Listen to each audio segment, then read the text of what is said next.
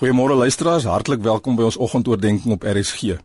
Ons as Suid-Afrikaners ervaar heidaglik intense onsekerheid aan verskeie fronte. Die misdaadsyfer, korrupsievlakke, werkloosheid en dies meer word dikwels genoem wanneer ons ons onsekerheid oor die toekoms teenoor mekaar verwoord. Maar weet jy, eintlik is ons dan in goeie geselskap. Die Bybel is nie 'n boek wat gaan oor miljonêers wat pret en plesier najag op eksotiese eilande nie.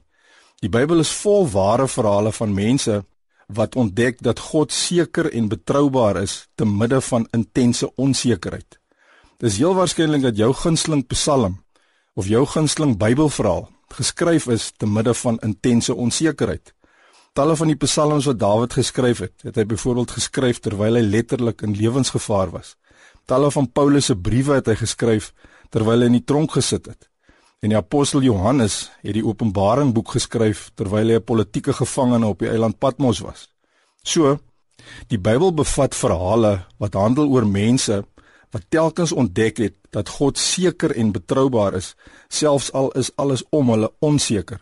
Kom ons kyk na drie voorbeelde. Eerste voorbeeld is Josef.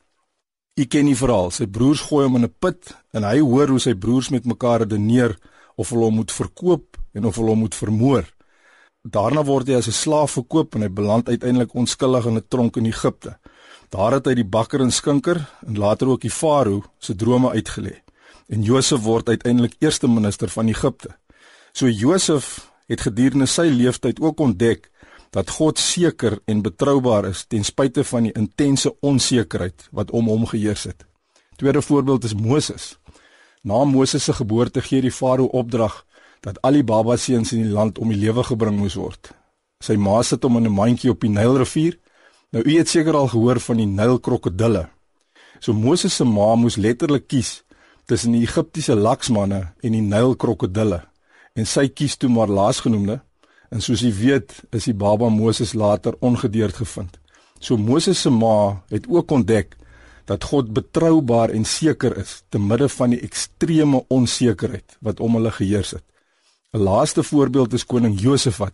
Dis een van my gunsteling verhale in die Bybel en ons vind dit in 2 Kronieke 20. In die verhaal het die Moabiete, Ammoniete en die Meuniete teen Josafat en sy volk opgetrek.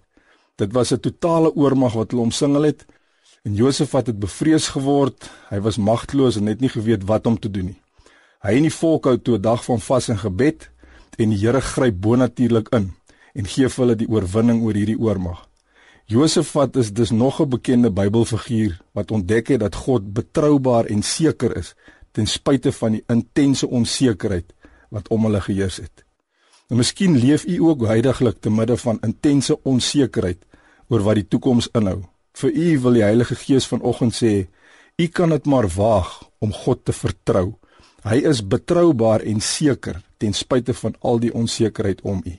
Here, Ons sê dankie dat U altyd betroubaar en seker is. Amen.